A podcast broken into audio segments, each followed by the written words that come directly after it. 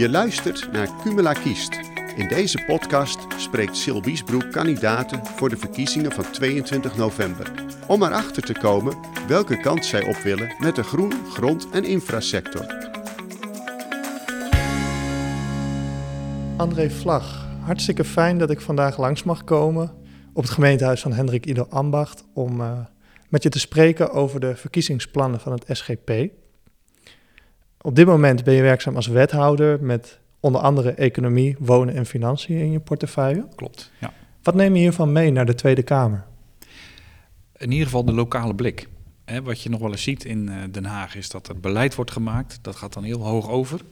En juist in de gemeente zie je wat het betekent. Als er plannen worden gemaakt op het gebied van wonen of nou, noem maar op. Wat dat betekent in de dagelijkse praktijk. En nog dichterbij, echt soms in de levens van mensen. En met name die mindset hoop ik mee te nemen naar uh, Den Haag. En hoe hou je die bijvoorbeeld hier vast uh, met je werk als wethouder? Hoe blijf je in touch met de lokale belangen? Ja, het is bijna onmogelijk om dat niet te zijn. Hè? Want je, je bent onderdeel van zo'n gemeenschap, je, je woont erin, je spreekt mensen. Uh, mijn werk loopt ook gewoon door als ik privé boodschappen doe dan kom ik ook de supermarkteigenaar tegen die me bepaalde vragen stelt of mensen die uh, dingen willen weten. Juist omdat je in je werk woont, uh, hou je dat contact uh, scherp, ja. Hoe hou je het dan straks vast als je in de Tweede Kamer terechtkomt? Ja, dat zal best wel moeilijker zijn, denk ik hoor. Want ehm, dan zullen er onderwerpen aan de orde komen die gaan over dingen die wat verder van je af zijn ik neem me voor en ik ben van plan om echt te proberen uh, het land in te gaan, letterlijk. En de onderwerpen waar je over gaat ook echt te ervaren aan de lijve en te laten voeden met verhalen uit de praktijk. Want ik denk echt dat dat nodig is. Um, bureauwijsheid uh, hebben we niet zoveel aan. Het moet echt uit de praktijk komen en daar wil ik me graag in laten voeden, ja. Oké. In het verkiezingsprogramma van de SGP staat dat energie- en klimaatbeleid bepaald moet worden in het parlement en niet in de rechtszaal. Wat wordt hiermee bedoeld? Um, als je kijkt naar hoe het de afgelopen jaren is gegaan, dan denk ik dat het onverstandig is om getallen vast te leggen in de wet. Op het moment dat je met elkaar een doel afspreekt, dan kun je dat vastleggen in de wet. Je kunt ook nog bepaalde stappen daar naartoe vastleggen in de wet. Maar op het moment dat je getallen en jaartallen aan een wet gaat koppelen, en je zou het door wat voor omstandigheden dan ook niet halen, er kunnen hele goede redenen voor zijn, dan vind ik dat je als parlement moet kunnen zeggen, nou, uh, jammer dat we het niet halen. Wat is wel haalbaar zonder dat we onevenredige schade toebrengen aan bepaalde sectoren? Nu is het zo dat uh, bepaalde belangenorganisaties terecht een beroep kunnen doen op die wet via de rechter. En als we niet uitkijken, gaan we straks uh, meer vanuit de rechtszaal besturen dan vanuit het parlement. Oké. En uh, als je nou doelen zou stellen zonder jaartallen en percentages, hoe zouden jullie die dan willen formuleren? Nou, ik zeg niet dat je geen jaartallen moet, moet uh, benoemen, maar je moet ze niet in de wet vastleggen. Ik denk wel dat je okay. met elkaar ja, in een uitvoeringsplan wel een soort datum moet hebben. Van nou, dat willen we in 2030, 40 en 50 bereikt hebben. Maar je moet de vrijheid houden, ook als parlement, om te zeggen van ja, dat heb je gezien rondom stikstof. Hè. Het ging maandenlang over 2030 of 2035. Nou, dat is energie, die stop je alleen maar daarin en niet in uh, de uitvoering van plannen. Volgens mij moeten we daarvan leren. Dus de discussie moet een andere focus krijgen. Klopt. Ik vind echt dat we dingen met elkaar in balans moeten bekijken. Uh, als je kijkt naar het, de naam van het ministerie, bijvoorbeeld van LNV, hè, daar zie je landbouw in, daar zie je natuur in, maar daar zie je ook voedselkwaliteit en voedselzekerheid in terugkomen. Die moeten we niet alle drie apart behandelen. Dan moet je gewoon ook uh, samenhang in uh, bekijken. En maatwerk is daarbij voor mij een heel belangrijke uh, richting. Ja. Nou, vanuit Brussel wordt er bijvoorbeeld ook druk uitgeoefend om bindende afspraken te maken over klimaatbeleid. Hoe staan jullie daar tegenover? Nou, wat je ziet is dat Brussel natuurlijk richtlijnen uh, uitvaardigt, aankondigt, besluit. De invulling daarvan is natuurlijk vaak een nationale bevoegdheid. En wat me opvalt is dat Nederland toch wel te regelmatig heeft gekozen voor een te rigide uitvoering of een niet uitvoerbare regeling daaraan te koppelen.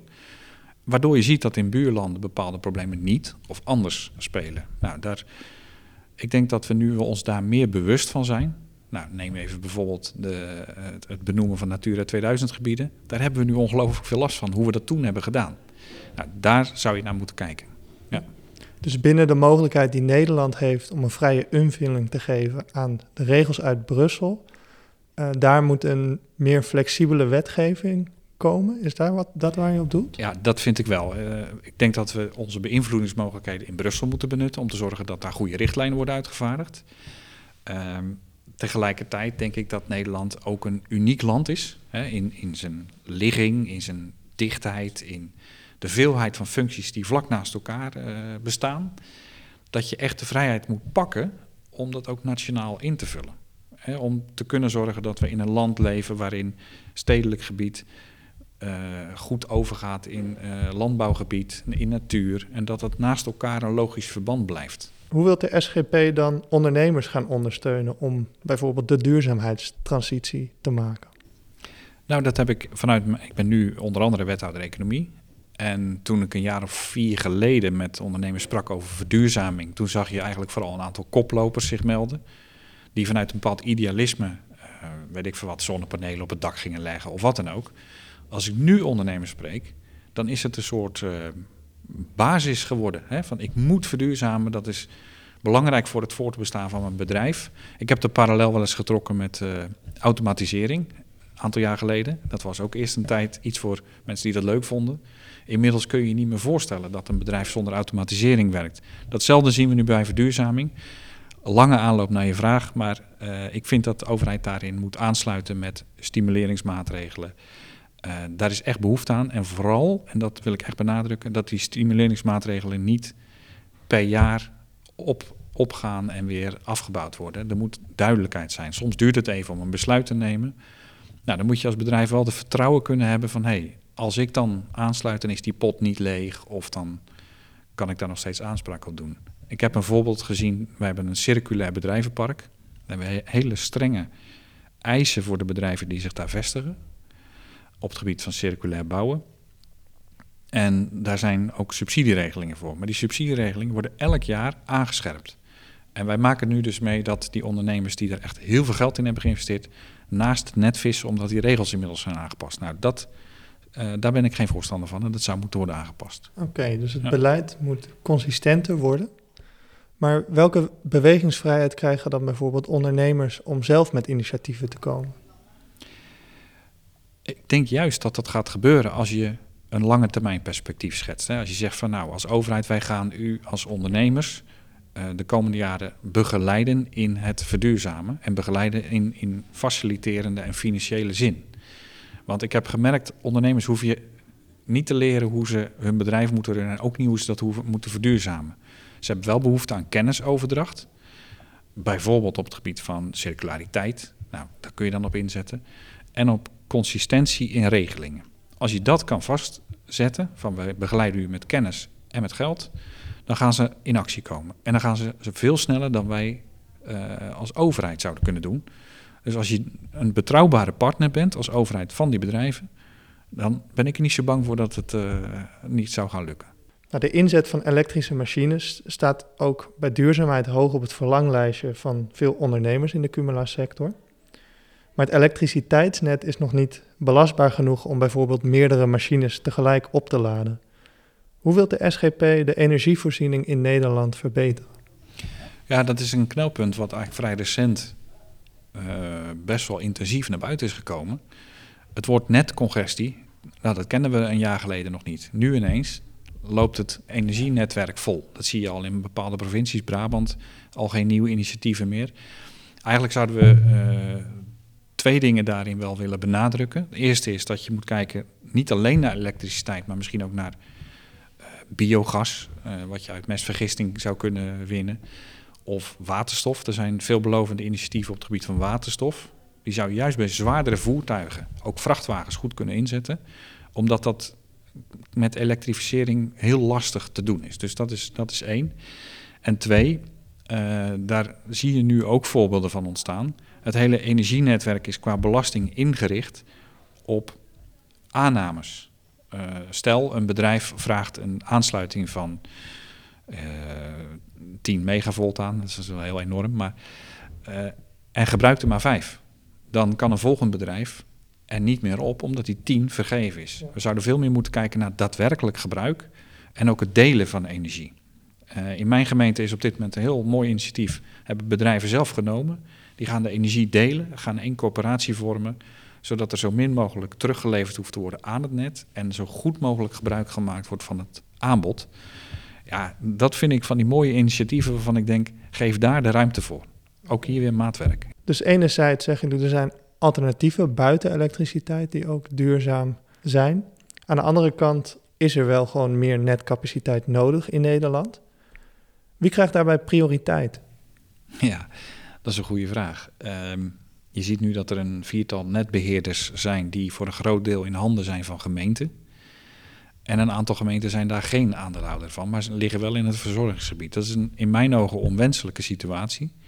Want um, je, moet nu, staat nu iedere keer als gemeente voor de vraag: wil ik bijstorten op mijn aandelenkapitaal om het net te verzwaren? Ja, dat gaat echt de draagkracht en de kennisniveau van gemeentes te boven. Ik zou dus echt ervoor pleiten dat het Rijk uh, de regie over de energienetten gaat nemen. Want nou ja, voor iedereen is duidelijk dat als er nou echt iets cruciaal is in de toekomst, zijn het die energienetten. Als die niet meegaan of als, je, als die stil komen te liggen door wat voor reden ook, dan stort je hele economie in. Dus ik zou als Rijk zeggen, pak daar gewoon de regie in. Misschien wel koop de gemeente uit, hè? dat kan.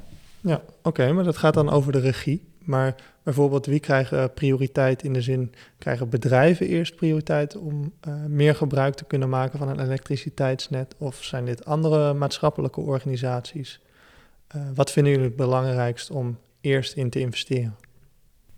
Ja, dat, ik snap je vraag. Ik vind hem wel lastig, omdat ja, het is bijna ondoenlijk om daar een prioriteitsstelling in aan te leggen. Want ook van van burgers vraag je om hun huis te verduurzamen, van het gas af te gaan. Ik denk dat er een soort nationaal plan op moet komen waarin die prioritering wordt gedaan. In overleg met uh, belanghebbenden. Dat is een wat vaag antwoord, dat besef ik wel. Maar ik vind het te kort door de bocht om te zeggen: ondernemers gaan altijd voor of, of burgers gaan altijd voor. Ik denk dat we samen met elkaar door, door die flessenhals heen moeten.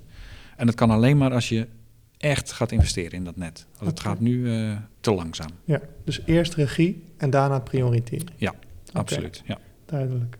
Dan wat specifieker over stikstof. Jullie zijn van mening dat er niet langer gestuurd moet worden op nationaal vastgestelde kritische depositiewaarden rondom natuurgebieden.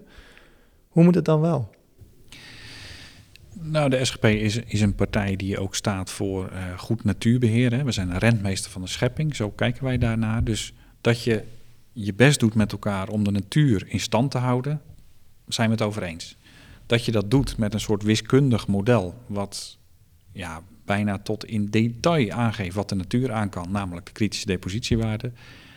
Dat noem ik een voorbeeld van bureauwijsheid. Kijk nou gewoon, uh, kijk naar andere indicatoren op basis waarvan je kan zien of de natuur gezond is. Dat kun je doen door het aantonen van de aanwezigheid van bepaalde planten of, of insecten. Dat, dat is gewoon heel eenvoudig aan te tonen in veel gevallen.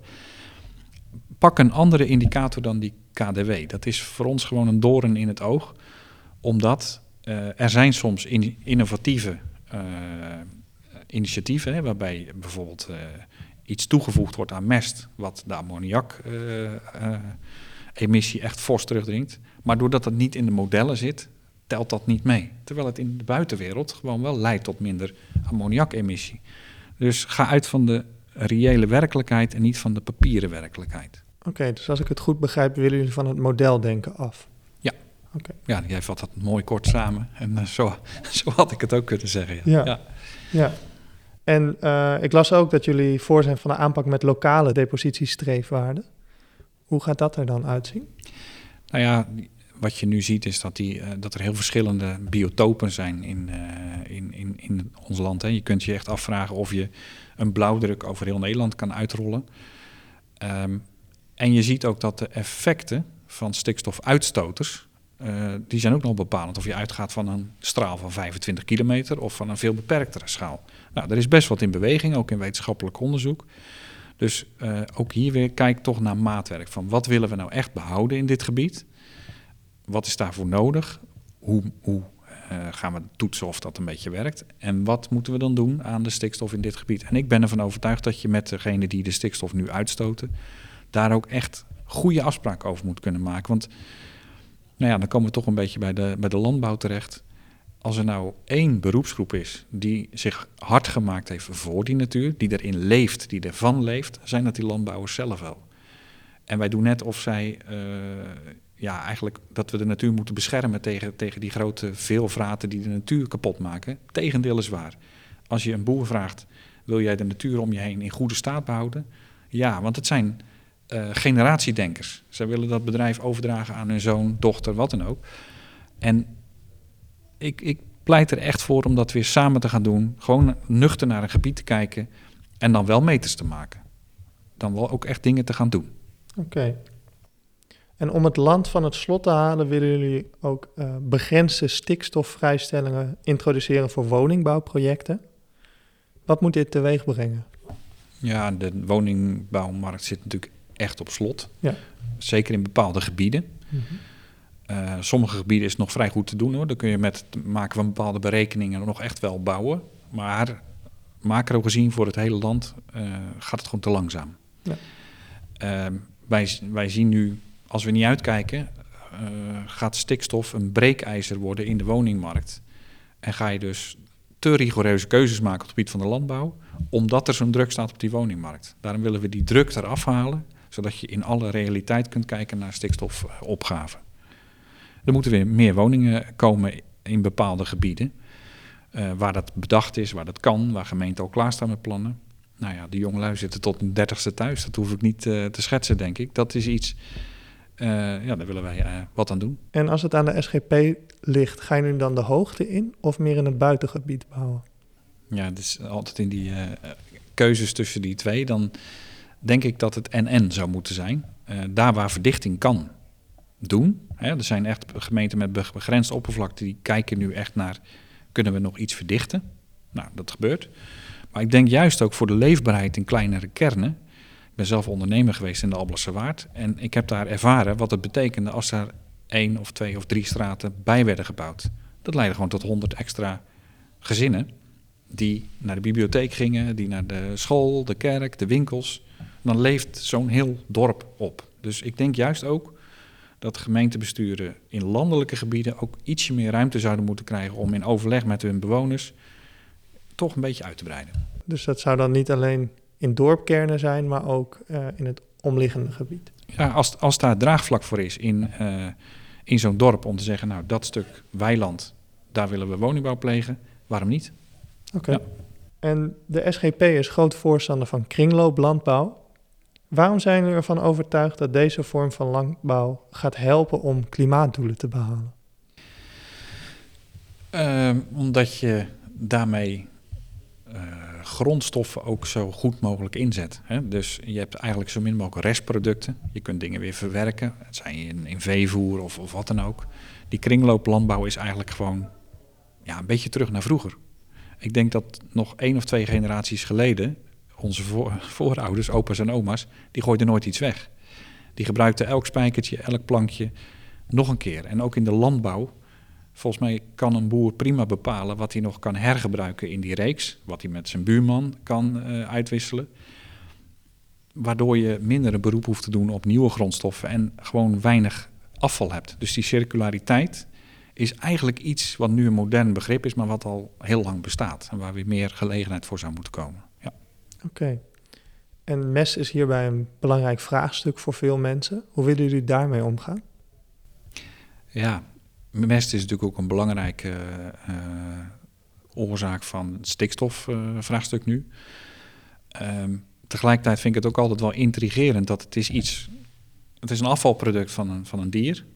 En het heeft bijzonder goede effecten op de groei van planten. Nou, dat is een eigenschap die er niet... Uh, dat is een, een, mooie... hoe noem je dat? Iets moois wat uit de schepping komt. Hè, want eigenlijk gewoon normaal is. Vroeger hadden mensen dat al snel door. Van als je dat gebruikt, dan groeit je, je tarwe, je, producten wat beter. Uh, het probleem is nu alleen dat er wat te veel is. Maar wij, zouden, wij vinden echt dat je dus uh, specifiek voor Nederland toch met die derogatie zou moeten kijken of we toch die uitzondering wat langer kunnen vasthouden. Omdat je, daar was ook aan gekoppeld dat je een bepaald percentage grasland zou hebben. Nou, dat leidt er weer toe dat je minder uitspoeling hebt in, in het water. Wat nu toch ook echt weer onder een vergrootgras ligt. Dus ook hier, kijk nou goed naar die specifieke Nederlandse situatie. Wij zijn niet, nou ja, noem maar wat, uh, Frankrijk of uh, Polen. We zijn een, een, land met specifieke bodemgesteldheden ook. En willen jullie dan ook het afvoeren van dierlijke mest tegengaan? Als het kan wel, zoveel mogelijk. Ik bedoel, als, als een boer er niet vanaf kan, zal die moeten. Maar dat is natuurlijk vanuit het oogpunt van duurzaamheid niet, niet uh, verstandig. je gaat slepen met dingen die toch ergens heen moeten, verwerkt moeten worden. Misschien vergisten, nou dan kan je er nog wat mee. Maar ook hier die kringloopgedachte zoveel mogelijk uh, in stand proberen te houden. En dat kan je in een klein gebied doen. Als, als je een afspraken kunt maken als melkveehouder met een akkerbouwer in jouw omgeving. Ja, waarom niet? In de Cumula-sector hebben ondernemers last van diefstal van GPS-apparatuur die ze hebben op hun erven. In jullie verkiezingsprogramma staan duidelijke preventieve en repressieve maatregelen omschreven om de drugscriminaliteit aan te pakken. Hebben jullie ook plannen voor de aanpak van georganiseerde GPS-diefstal? Uh, daar hebben we nu, ja, het is zichtbaar dat dat echt toeneemt. Hè. Ik hoorde getallen als dat er wel 130 meldingen zijn gedaan in vorig jaar. Dus dat is gewoon veel. Uh, het zijn vaak bendes die heel gericht op afspraak bijna die dingen stelen. En wat gewoon een enorme schadepost is voor die ondernemer. Daar willen we echt iets aan doen. Hebben wij ook niet het tovermiddel voor, want het zijn natuurlijk uh, vaak afgelegen locaties. Maar wij pleiten echt voor uitbreiding van uh, juist ook agenten. Het zijn dan wijkagenten, maar in dit geval zijn het dus gewoon buurtagenten. Dat er gewoon meer ruimte is voor de politie om ook zichtbaar aanwezig te zijn. Nou, dat is bijvoorbeeld een, uh, iets wat we echt al jaren proberen te door te krijgen politie is niet alleen nodig in steden, is niet alleen nodig rondom voetbalwedstrijden, is ook in toenemende mate nodig in het buitengebied. Je noemt zelf al de drugs, drugscriminaliteit. De bijna volstrekte afwezigheid van politie maakt, als je niet uitkijkt, dit tot een heel uh, gewild gebied voor criminele activiteiten. Als ik dan hoor met een wijkagent uh, is het lastig om georganiseerde misdaad op te sporen. Ja. Willen jullie bijvoorbeeld ook een, een taskforce of meer rechercheurs inzetten om deze problematiek op te lossen? Ja, precies. Kijk, het begint met die preventiekant, maar dit gaat eigenlijk richting ondermijning. En dan heb je het echt over bendes, zwaardere georganiseerde criminaliteit. Met alle respect, daar moet je een wijkagent ook niet in zijn eentje voor willen zetten. Dus die wijkagent moet je wel hebben om de ogen en oren in het gebied te zijn. Maar je zult inderdaad een landelijke aanpak, denken wij, moeten gaan hebben op een aantal dingen. Eén is, nou, uh, de verspreiding van de drugscriminaliteit, die gewoon lege stallen probeert te huren voor ondermijnende activiteiten. Je zult maar als boer een paar van die mensen op je erf krijgen. En financieel lastig zitten, bedreigd worden. Dan is het gewoon heel lastig om er onderuit te komen. Dan moet je ze mee helpen, denk ik. Dan moet duidelijk zijn waar je dan terecht kunt. Maar ook het stelen van die GPS-apparatuur. Ja, vaak moet je dat met een, met een uh, georganiseerde aanpak echt een stevige klap toebrengen, zodat die bendes ook denken, nou, dit land hebben we wel weer gehad. We gaan naar het volgende land. Ja, zo, zo is het gewoon. Ze stropen het gewoon af. En op het moment dat ze te veel weerstand krijgen of het te lastig wordt, gaan ze vaak ook weer weg. Dus eens, ja. En weer een ander onderwerp. Ook de SGP is voorstander van een belastingstelsel waarin meer werken beter loont. Een probleem wat ja. nou, elke partij nu eigenlijk het wel een beetje over eens lijkt te zijn. Hoe zijn jullie van plan het belasting- en toeslagenstelsel te hervormen? Um, we zijn van mening dat je de toeslagen eigenlijk moet vereenvoudigen.